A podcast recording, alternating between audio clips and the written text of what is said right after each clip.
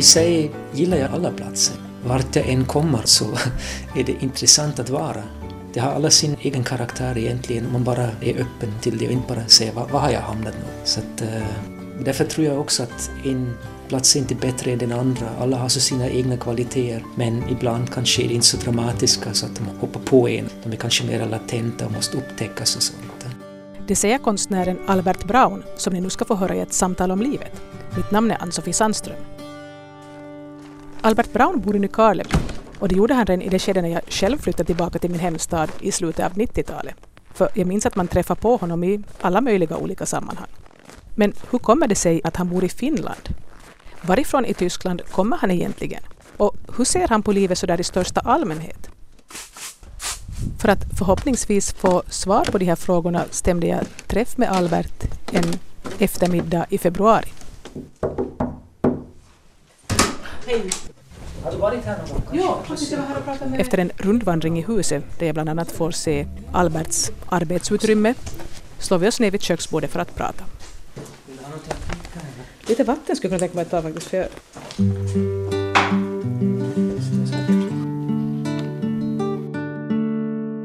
Du kan börja med att berätta om dig själv. Vem är du? Mitt namn är Albert Braun och uh, bor i Nykarleby. Vanligtvis uh, arbetar jag som lektor i bildkonst på tidigare så kallade konstskolan och för tiden Yrkeshögskolan Novia, institution för bildkonst, design och, och uh, media. Jag bor här i Nykarleby nu sedan 89 med jämna mellanrum också har varit uh, borta i Tyskland uh, lite längre tider där familjen också följde med. Och just nu är jag på tjänstledighet, jag har ett arbetsstipendium och håller på med det nu. Uh, ja, jag studerade konst uh, i Berlin på Hochschule Künste 78 till 85. Ja, alltså min, min utbildning skedde där. Men Albert är inte uppvuxen i Berlin? Födde jag i, i södra Tyskland och uppvuxen där i, uh, vad ska jag säga, Oberpfalzområdet, öster om Nürnberg, 70 kilometer, 200 kilometer norr om München, nära tjeckiska gränsen. Man kan jämföra platsen eller området med, med Österbotten, alltså långt. Eh, framförallt så länge det fanns den här järnridån så fanns ju tjeckiska gränsen 50 kilometer ifrån på östersidan och lite högre upp, 130 kilometer, var det DDR och sen hade vi ett stort amerikanskt övningsområde bredvid så vi var lite bort från allt. Eh, så ganska provinsiellt Alltså hur stor är den här, mycket folk finns det där? kommunen kan jämföras med Nykarleby, 28 000 invånare, men själva centralorten Filsäck har kanske 4 000 invånare, en gammal medeltidsstad, 750 år gammal med stadsmur och portar och sånt. Det finns också en amerikansk militärförläggning. Själva förläggningen som är två kilometer bort har vuxit så stort så att det bor 10 000 människor. När man kommer alltid på natten eh, in från Amberg över en kulle och kör ner mot Filsäck så ser man plötsligt ett ljushav bredvid Filsäcken som en helt ny stad. Och eh, nu är det ganska stängt igen. Sedan tio år när det började med Irak så blev det väldigt strikt. Det fanns en tid däremellan så på slutet av 80-talet, mitten av 90-talet, man öppnade allt. Man kunde köra in och där finns det motorways, där finns det en bowlingbana eller åtta banor, där finns det stor eh, shoppingcenter och man är i Amerika helt enkelt. Så det var egentligen ett ganska speciellt ställe att växa upp på? Man växte upp med en, en annan kultur bredvid, alltså bredvid den där bayerska landsbygdsprovinsiella kulturen, katolisk fanns det plötsligt eh, en amerikansk kultur. Först det militäriska naturligtvis, eh, man har sett allt, pansarvagnar och flygplan och helikopter och allt möjligt sånt. Men sen också den här populärkulturen som eh, amerikanerna hade med sig. Helt andra bilar, egna radiokanaler med en helt annan musik än vad som spelades i tysk radio, eller mycket tidigare naturligtvis. Och det var plötsligt för oss en, en ny kanal för, för de unga som var intresserade av det. Det fanns kanske inte allt, alla var det, men jag kanske var en av dem. Det mer tidigare skede så att säga kom i kontakt med, med, med saker. Trots tillgången till amerikansk populärkultur så längtade Albert Braun som ung bort från Filsek. När jag äh, åkte till Berlin med 19 eller 20 år så var det just det som man ville slippa egentligen, landsbygden och militären som jag hade så bredvid mig, som var naturligtvis så otroligt fascinerande när jag var, när jag var liten jag tecknade, så som Arne, min son, tecknade traktorer och lastbilar och motorcyklar som man ser här i Nykarleby, så tecknade jag pansarvagnar, helikoptrar och sånt. Min närmaste omgivning, det var imponerande och fascinerande som barn. Men sen kom man över det, man kom in i ett, ett nytt skede och tog mera avstånd till det, förutom den popkulturen som kom in via Amerika. Och, eh, men sen nu äh, ser det igen med lite andra ögon. Det finns ju också en sån, sån elit äh, militärförband som flyttades från Seattle för eh, fem år sedan till vår bas, 5000 soldater. Och det är de som alltid hamnat sen till äh, Irak för ett år, ett år nu i Afghanistan. Och det hör man visst massor med saker och så när de kommer tillbaka eller av kompisar som jobbar där på basen, vad som händer där inne som inte är så publik och sånt.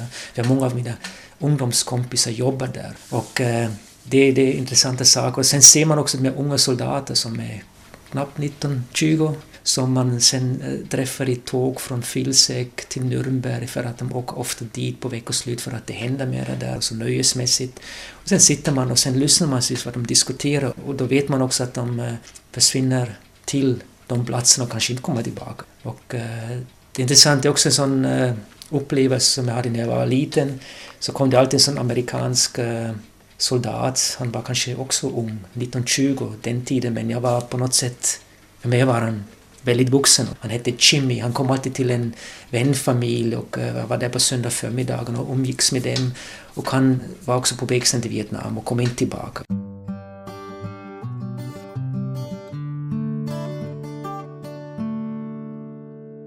Hur kommer det sig att Albert Braun valde att studera konst? Jag tror det var mina intressen helt enkelt. Det var främst att teckna naturligtvis. Eh, när man var liten och ung så var det inte mer än så, men på något sätt gjorde jag det och gillade det. Jag var inte så intresserad av, av andra ämnen i skolan, matematik och sånt. Och eh, sen sport var naturligtvis också viktigt eh, just under den tiden, fram till 18 låt oss säga. Och det var nog de två saker som höll in mitt liv. Var det så tråkigt ställe du bodde på? Nej, inte bara stället, men, men skolan var egentligen inte någon riktig plats för mig, märkte jag. Men på grund av de eh, ämnen så att säga, kunde man också göra sin väg där och eh, med stöd lite av andra så ja, hittade man sin väg. Men vad visste då Albert om konst och vad konstnärer gör då när han växte upp? Klart, nu har man ju hört eh, av konsthistoria och sånt, alltså Picasso och de namnen, men, men av aktuell samtidskonst var man ju egentligen långt ifrån. Och eh, vi gjorde sen med en skola när jag var 15 en resa till Nürnberg till ett konstmuseum och då var det en utställning av Richard Lindner, egentligen en av de större popkonstnärer eh, som hade judisk bakgrund som flydde sen från Tyskland till New York, eh, USA. Och han visades då och eh, då åkte vi dit och fick en guiding och eh, då satte man också upp en naken modell där och för han hade använt sig mycket av modeller i sina målningar och sånt. Och det var jättespännande och det var en sån initial upplevelse, måste jag säga, där jag sen blev riktigt intresserad. Vad är sen konst egentligen? Och där man sen började gå sina egna vägar och upptäcka och söka saker. Så i det skedet när du skulle välja bana så var det den, det yrke du ville ha? Det var inte, du tänkte inte på något annat sådär som plan B eller C? Nej, plan B och C tror jag fanns inte. Och yrke tänkte jag inte heller i den åldern. För mig var det mer viktigt att, att göra det utan att tänka för långt framåt vad man sen blir i slutändan. Och eh, det var säkerligen inte så, så lätt kanske för mina föräldrar, men min mor hon hade känsla för det tror jag och förstod vad jag vill trots att eh, vi inte kom ur sådana förhållanden där konst eller kultur var, var viktigt och sånt. Alltså det var mera folkkultur så att säga och eh, enkla förhållanden. Men på något sätt kände hon för det och eh, stödde mig också alltid att, att gå den här vägen. Eller söker också lite för mig när jag helt enkelt var för ung för att kunna överblicka saker. Och det tror jag var, var ganska viktigt att eh, jag fick den här friheten och inte blev inpressad i nu ska du bli det för att du blir det i slutändan så att du blir till någonting. Så jag tror nog att det, det viktiga för för unga är att de, de får sina möjligheter, att de framförallt kan studera det, eh, vad de brinner för. Att man inte för tidigt så att säga bygger upp den där effektivitetstanken att vad blir man och sånt. För att jag tror, om man inte riktigt vill göra det vad man ska göra så, så tror jag i slutändan kommer ändå en punkt där man funderar om. Jag tycker bättre att, att, att låta folk göra vad de verkligen vill och sen får man se hur långt det räcker och sen kan man hitta andra möjligheter istället för att man måste göra någonting. Det att Albert Braun valde att studera i Berlin berodde mer eller mindre på en slump. Ja, alltså eh, en bra bekant som gick också en skola med mig före mig, han gick direkt till Berlin. Vi hade kontakt och sånt så kollade hur, med honom hur det är där. När det var frågan vad, vad fortsätter jag och sånt så sa jag ja, gör din mapp ihop och så skick den iväg och sen, sen får vi se och sen blev det gallringskurs och uh, då blev det Berlin. Vanligtvis orienterar man sig ju eh, från mina trakter mera söderut. Eh, också Berlin var för mig någonting helt nytt. Jag hade ingen aning egentligen. Naturligtvis har man hört lite om Berlin. Det blev en helt ny värld för mig. Vilka år sa du var där? Du var 78 till 85. Ja, alltså då var det ju Berlin, en ö i östra Tyskland, en västtysk ö, men det var ju Västberlin. Det måste vara helt konstigt. Ja, alltså framförallt eh, det var ju så att eh, muren gick ju inte bara mitt genom Berlin utan den gick ju runt Berlin, runt hela västra delen. Och eh, man stötte ju på den rent fysiskt helt enkelt när man rörde sig i vissa områden i Kreuzberg så, så hade man muren bredvid sig. Man gick längs muren. Men sen fanns ytterligare en, en annan mur. Det fanns en sån dödsremsa emellan och den var lite olika bred. Så det var märkliga tider där man också ibland kunde se där folk tittade från en sida till den andra via fönstren. Det kunde ha varit släktingar till exempel.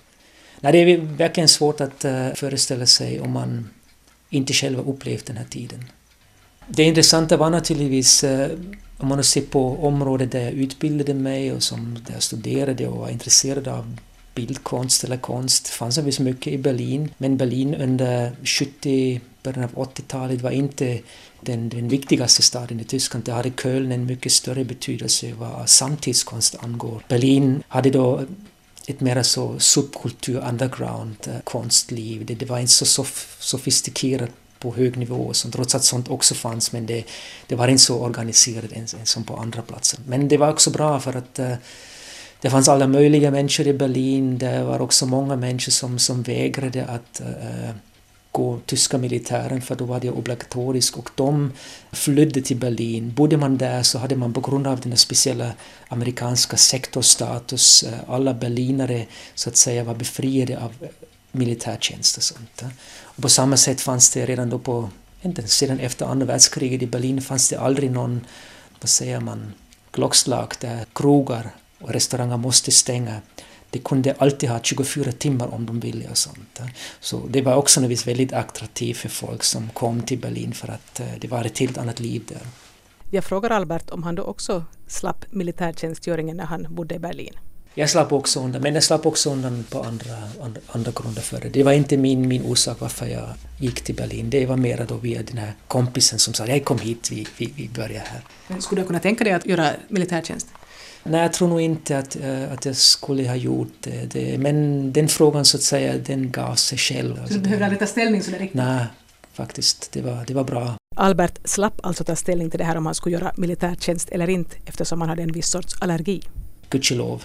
Du behövde, du behövde inte, ja. Okay.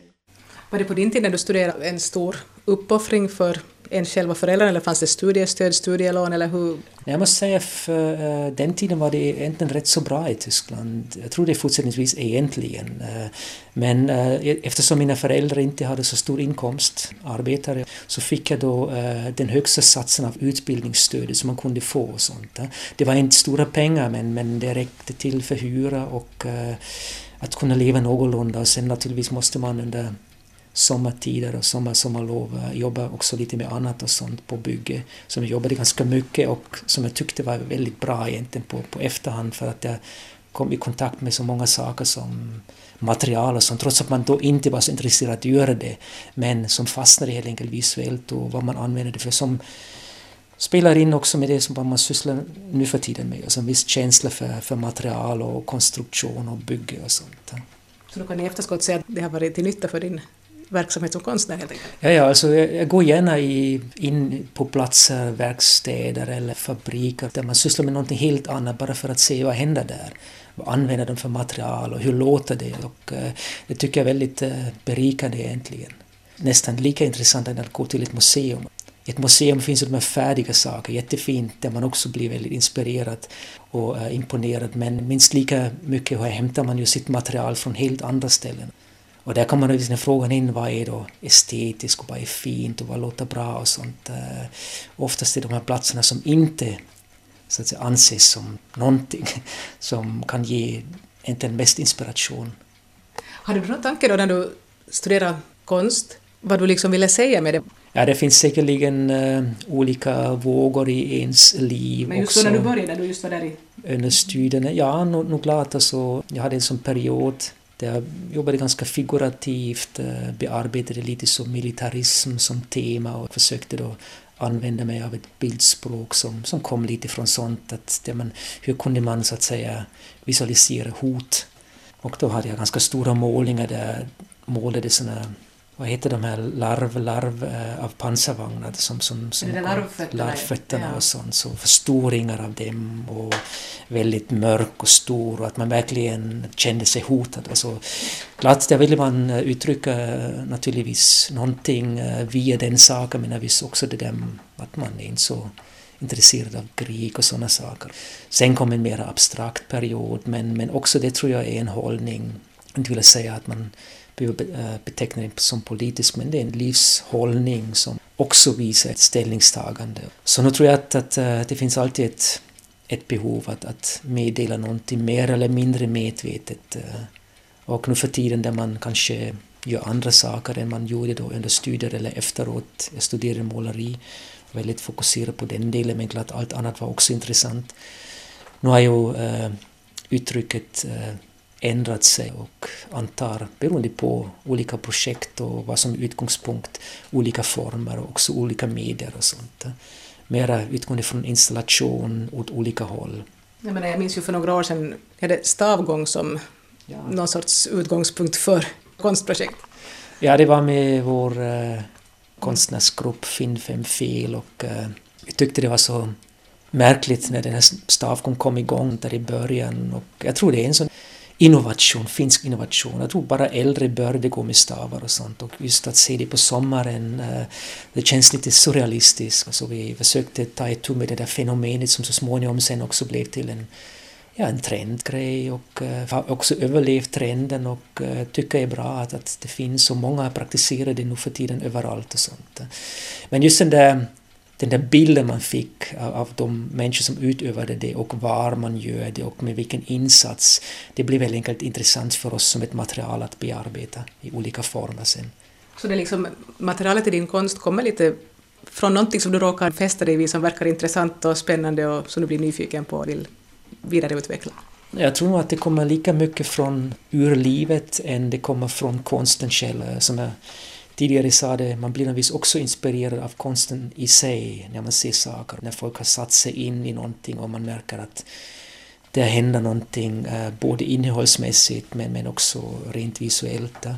Men samtidigt eh, det visuella och, och eh, innehållsliga saker som intresserar händer naturligtvis vad som helst och de, de händer också i Nykarleby. Alltså det är inte så att man de måste vara långt bort på en stor plats. Och sånt. Alltså, jag tror livet finns överallt. Men är det bara så att du i egenskap av konstnär och någon som kommer utifrån uppfattar saker på ett helt annat sätt, att du kan se någonting intressant i sånt som vi som är härifrån och bor här bara liksom inte ens noterar?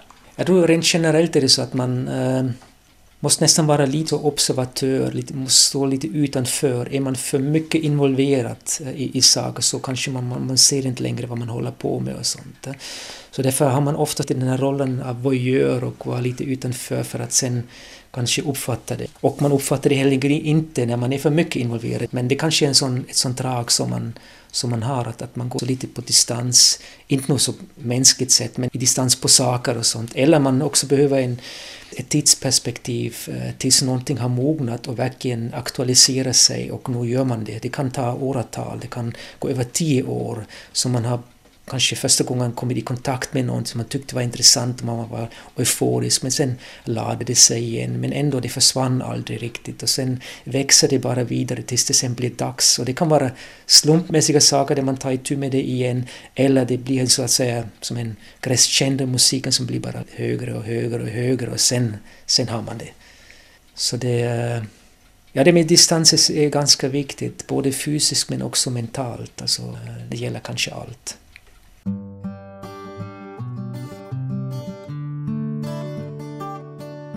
Kommer det sig då att du bor i Nykarleby?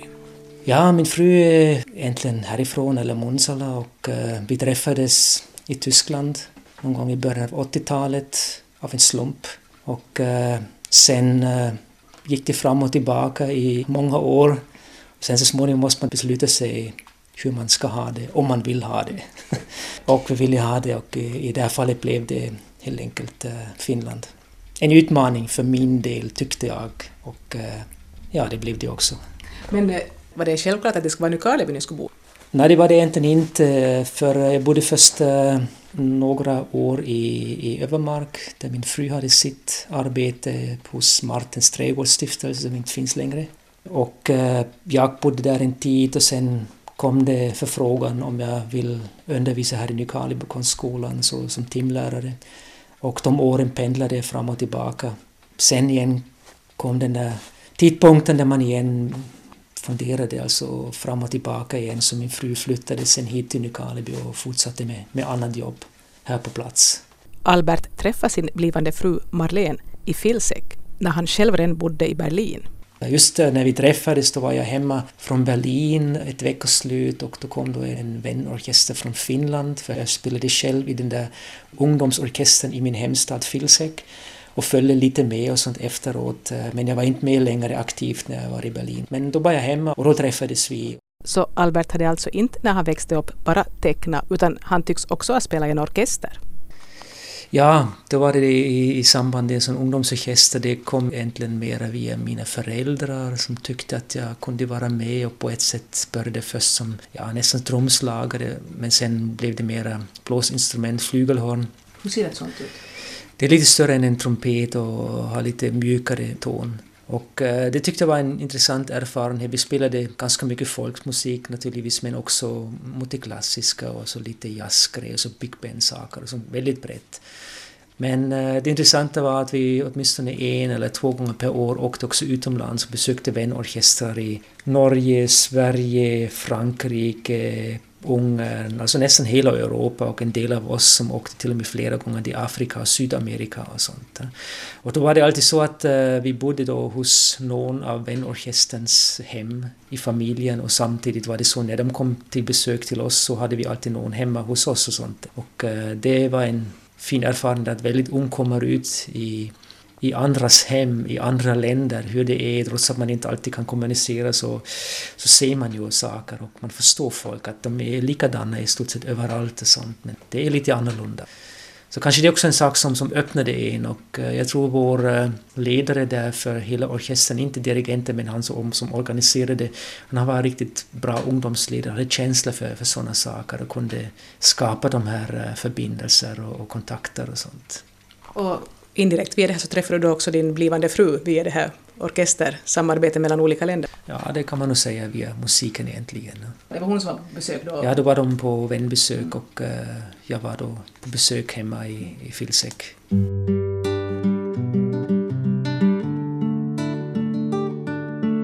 Hur var din första tid i Finland och hur kändes det att vara här de första åren?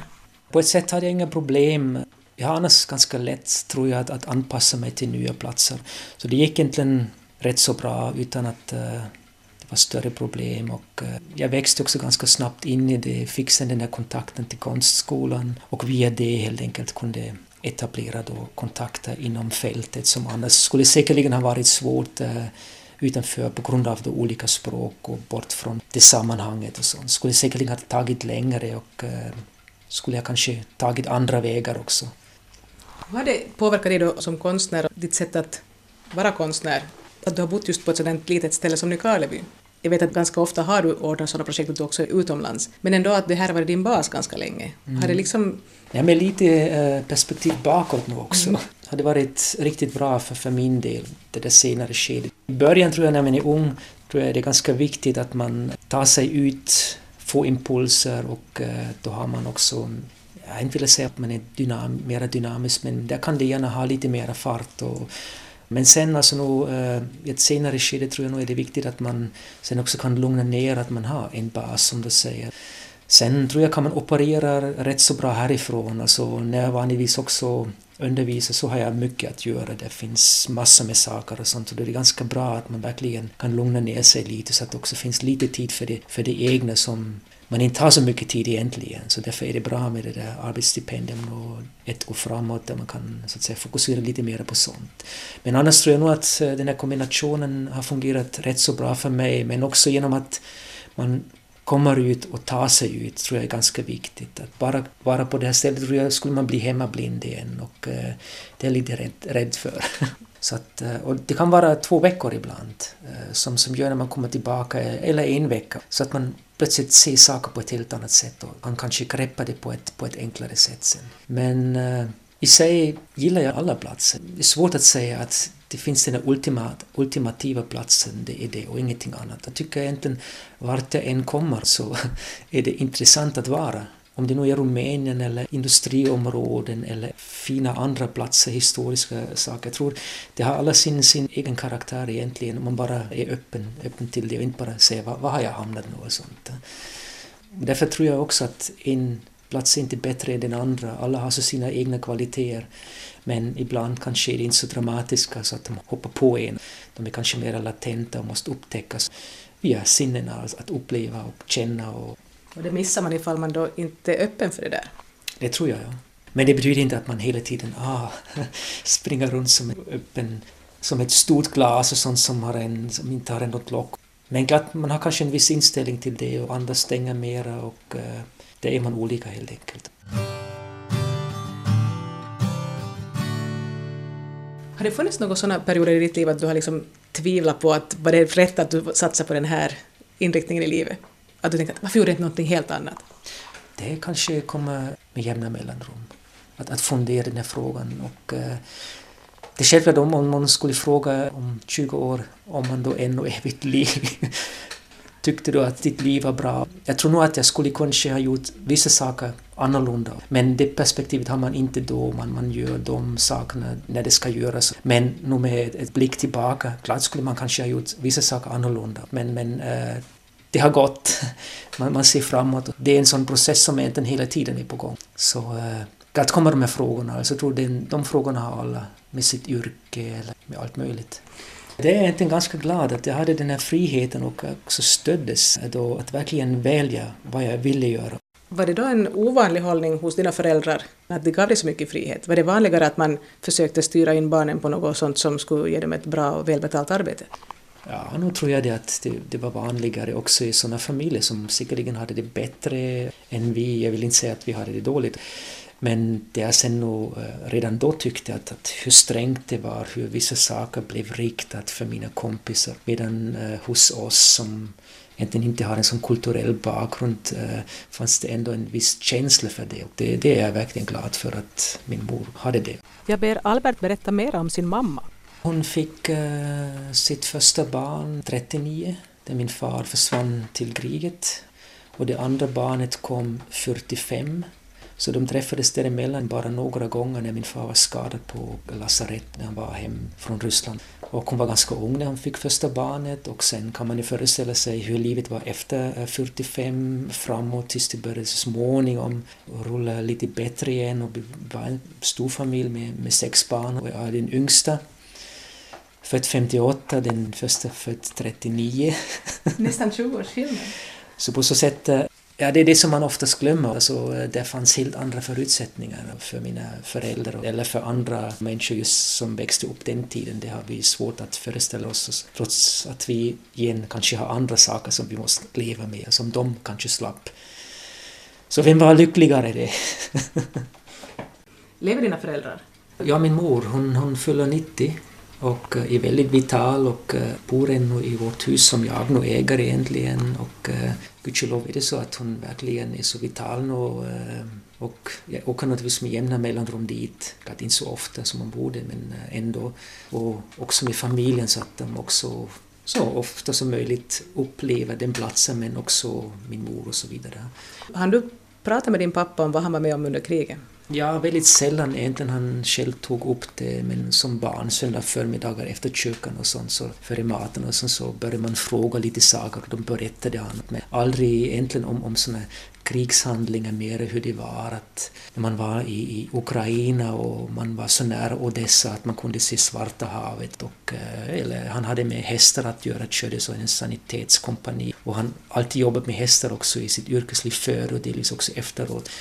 Sådana saker, men, men egentligen inte det, det där direkta såna stridshandlingar. Så det, det var en sån sak som de flesta av den generationen försökte förtränga. Och i vissa fall tror jag är förträngning också ganska viktigt för annars kommer man aldrig riktigt över någonting. Men du sa att han blev skadad också, ja, tydligen någonting... Ja, han fick en kula där genom knät och uh, måste då... Jag tror han var i Wien sen i några månader tills han sen kom tillbaka igen till Ryssland. Och sen togs han ju i fångenskap i, i Frankrike, i Normandie av amerikanerna och jag tror det var stor lycka trots allt. Han var väl ett och ett halvt år i fångenskap ännu efter kriget tills han sen kom hem. Och, uh, ja. Så din mamma måste ha haft ett ganska, en ganska märklig början på det här äktenskapet de här första åren? Mm. Om hon fick första barnet 39? Ja, väldigt sen... ung och sen knappast setts och sen uh, vet man inte kommer mannen tillbaka överhuvudtaget från kriget. Och det var ju ett öde för många egentligen. Ja, det är så svårt, det är svårt att föreställa sig de sakerna. Och sånt tror jag tar flera generationer tills så att säga kommer i, i rätt, rätt balans igen. Men det måste också sen tas det steget vidare. Men man ska inte glömma det på något vis, också det som hände helt enkelt. Men, men man måste också komma, komma positivt vidare därifrån. Du sa att du hade flera syskon, att hade stannat kvar där? En syster och en bror bor där i närheten, en annan bror bor i Schweiz. Jag har en annan bror för olycka, det är en trafikolycka. En av mina systrar dog ganska tidigt också, 27. Men två av dem är kvar där. Men var det du som var den yngsta som hade den här största liksom lusten att du ville bort uttryckligen från det här lilla sammanhanget? Jag tror det var egentligen min näst äldsta bror som föddes 45. Och han lärde eh, ölbryggare eh, i ett litet bryggeri där i hem, hemstaden. Men sen fortsatte han till München, till Hofbräuhaus och jobbade där en tid. Och sen till Schweiz, till eh, Feldschlösschen heter det, riktigt slott, men ett stort bryggeri nu för tiden. Och därifrån gick han sen också någon gång, var han två år i Kenya, i Nairobi och jobbade i ett stort engelskt bryggeri. Och eh, han var också en som hela tiden sökte sig utåt. Det kan också hända att det har lite påverkat mig faktiskt. Vi fick då brev från Kenya och, och sådana saker och eh, han kom ofta hem från Schweiz då och eh, alltid när han var hemma och så gjorde vi utflykter hit och dit och snabbt hela tiden på gång. I början av programmet beskrev Albert Braun sin hemstad Filsek som ett ganska tråkigt ställe där inte så mycket hände och han jämförde lite med Nykarleby. Men i Nykarleby har vi aldrig, vad jag vet, haft besök av Elvis. I Filsek var han eh, under sin tjänstgöring i Tyskland två år och då hade de manövrar alla de trupperna, det fanns över 200 000 amerikanska soldater i många olika städer och platser, främst sydvästra Tyskland, som kom alltid till två veckors manövrar till det där truppenövningsområdet, för där kunde de skjuta och sånt. Och då, var han, då han jobbade som militärpolis och stod vid en korsning där och så att säga ledde då de här konvojerna som kom in. Vilket år var det här nu då? 58. Mina syskon berättade för att de såg honom. Han var också i den där lokala biografen kort och uh, sen uh, var han i Grafenbö som är 30 kilometer på norra sidan av övningsområdet och där fanns det en sån liten reeperbahnmiljö med striptease-barer och så vidare. Och det, det fanns ett bar som hette Mickey Bar. Jag var också där sen senare. men eh, då var han och, och, faktiskt sjöng, men han fick inte sjunga nere i, i lokalen. Han måste så att säga göra det i andra våningen och det hade med, med hans skivkontraktsgrejer att göra. Men han verkligen uppträdde det till och med där och sånt. Så i, i de här lokala grogorna då hittar man oftast en bild av Elvis och en bild av en M1 Eh, pansarvagn för att det var de som, som de så att säga transporterades med, med båtar från USA till Tyskland och sen från Rotterdam ner till vårt ställe och där byggdes den optiken in. Och där fanns det många sådana tekniker från McDonald Douglas, Boeing och alla de här stora rustningsföretagsmänniskor i vår lilla stad och eh, bodde där i de här normala hotellen. Så på så sätt var det ganska så, hur säger man, kosmopolitisk ändå också. Ja.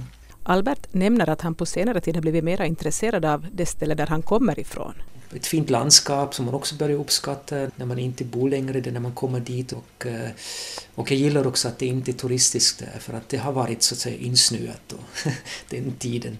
Och nu har det visst blivit lite, lite mer genomfart genom att nu har man byggt den där motorvägen Nürnberg brak färdigt. Men äntligen kör de förbi där, eller genom. Så på så sätt är det ganska lugnt och fint där egentligen. Alltså man åker dit. Ändå nära till Nürnberg eller sådana platser. Men kan det vara ett sådant medelåldersfenomen också, man börjar bli mer intresserad av den trakt man egentligen kommer ifrån? Ja, som du säger, det är säkerligen en sån mognadsgrej som kommer med tiden, det där intresset. Jag tror det är nästan, det gäller tror jag alla. Men kanske ännu mer ifall man som ung kände att man ville bort? Ja, just det där avståndet eh, som vi var inne i tidigare, det är nog säkerligen det som forcerar det också. Mm. Och, eh, för man verkar ändå att, att en plats blir också en del av en så småningom. Och menar, har man gått tre år i en skola, oberoende vad den än har varit, så är det en del, och hur bra eller hur dåligt den har varit, så är det en del av ens identitet. Så därför skulle det vara jättefint för när man alltid hör att alla unga försvinna och eh, kommer aldrig mera tillbaka och sånt. Jag tror det är en, en ganska normal sak. Alltså unga måste vara nyfikna, eller borde vara nyfikna och då hör det till att man vill ta sig ut och pröva någonting annat. Jag har inget problem, alltså låt dem testa och pröva och skicka dem till och med ut. För går det med en bra inställning härifrån att folk uppskattar och stöder det så kanske är risken större att de kommer tillbaka positivt. Men om man håller dem tillbaka och inte låter dem, trots att de vill, och tvingar dem till någonting eller in i någonting, om de sen försvinner, då är risken ännu större att de aldrig kommer mera tillbaka, för att då har man förstört för mycket. Men ger man de här möjligheter åt alla håll, diskuterar det, så får alla pröva. Jag tror det är bara en livserfarenhet som, som, som gör, gör dem starkare när det så att säga kommer tillbaka igen och kan också se och värdera sin, sin egen plats på ett helt nytt sätt. Och när det gäller den här saken så kan man lugnt säga att Albert lever som han lär. För dottern Sara, som nu är 21, hon flyttade hemifrån väldigt tidigt och ingen tycks ha försökt hindra henne. Jag tror det är kanske en erfarenhet som jag själv har gjort. Att man diskuterar saker i förväg och sånt och eh, som jag också fick eh, från mina föräldrars sida och på något sätt kanske det är någon form av tradition man har vuxit upp med och sånt. Och då har man också lättare att, att ge den vidare om man själv har varit i den situationen. Hon gick i gymnasiet någon annanstans, visst var det så? Ja, hon åkte härifrån när hon slutade högstadium till Kuopio, till, eh, till Mina Kant gymnasium som hade en dansutbildning, men det var finska då. Och sen därifrån eh, ett år till Stockholm och sen efter Stockholm eh, har hon bott i New York. Det hon ska vara de närmaste två åren har jag förstått. Men det är inte bara dottern som ägnar sig åt någonting konstnärligt. Sonen Arne, som är bara 16 år gammal, är redan en skicklig gitarrist. Det kan visst hända att uh, man ser lite vad jag håller på med och hur jag förhåller mig och så vidare. Att, att omedvetet alltså, uppmuntra dem. Aldrig egentligen medvetet försökt rikta in det någonstans. Alltså det har nog gett sig själv helt enkelt. Jag stöder det, eller vi stöder det naturligtvis, för att jag tror det är lika viktig väg framåt än en annan väg och främst att göra någonting som man verkligen brinner för och eh, naturligtvis också fundera kring sammanhangen och realiteterna när man blir äldre. Men då vet man det att okej, okay, i den riktningen går det och om inte så är det så. Ja. Istället för att man sen ångrar sig att man aldrig har gjort det. Albert berättar att Arne redan som nioåring hittade sin inriktning. När Sara köpte en akustisk gitarr så bara tog han den och uh, slog på där och gav den inte längre bort och efter två månader ville ha en, en sån elgitarr. Men han var nio? nio ja. Så jag har inte forcerat någonting kring musik. På samma, sak, på samma sätt med, med fotboll. Uh, först var han inte alls intresserad. Först i ett senare skede blev han själv intresserad. Nu vill han vilja vara målvakt. Och jag sa det alltid, målvakt är det sista man kan göra, jag ville aldrig vara målvakt. Men så var det. Just det, han, han, han gjorde då en, en viss tid tills musiken helt enkelt tog överhand och var ännu starkare som intresse och, och uh, också kräv, krävde sin tid sen.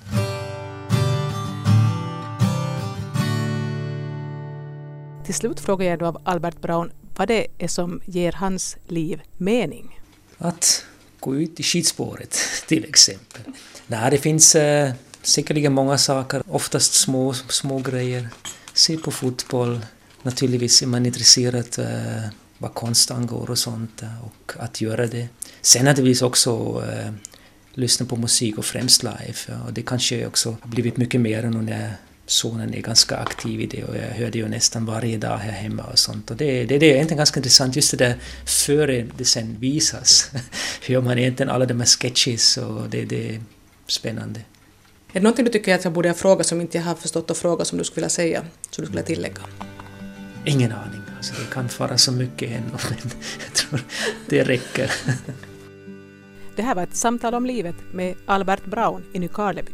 Mitt namn är Ann-Sofie Sandström.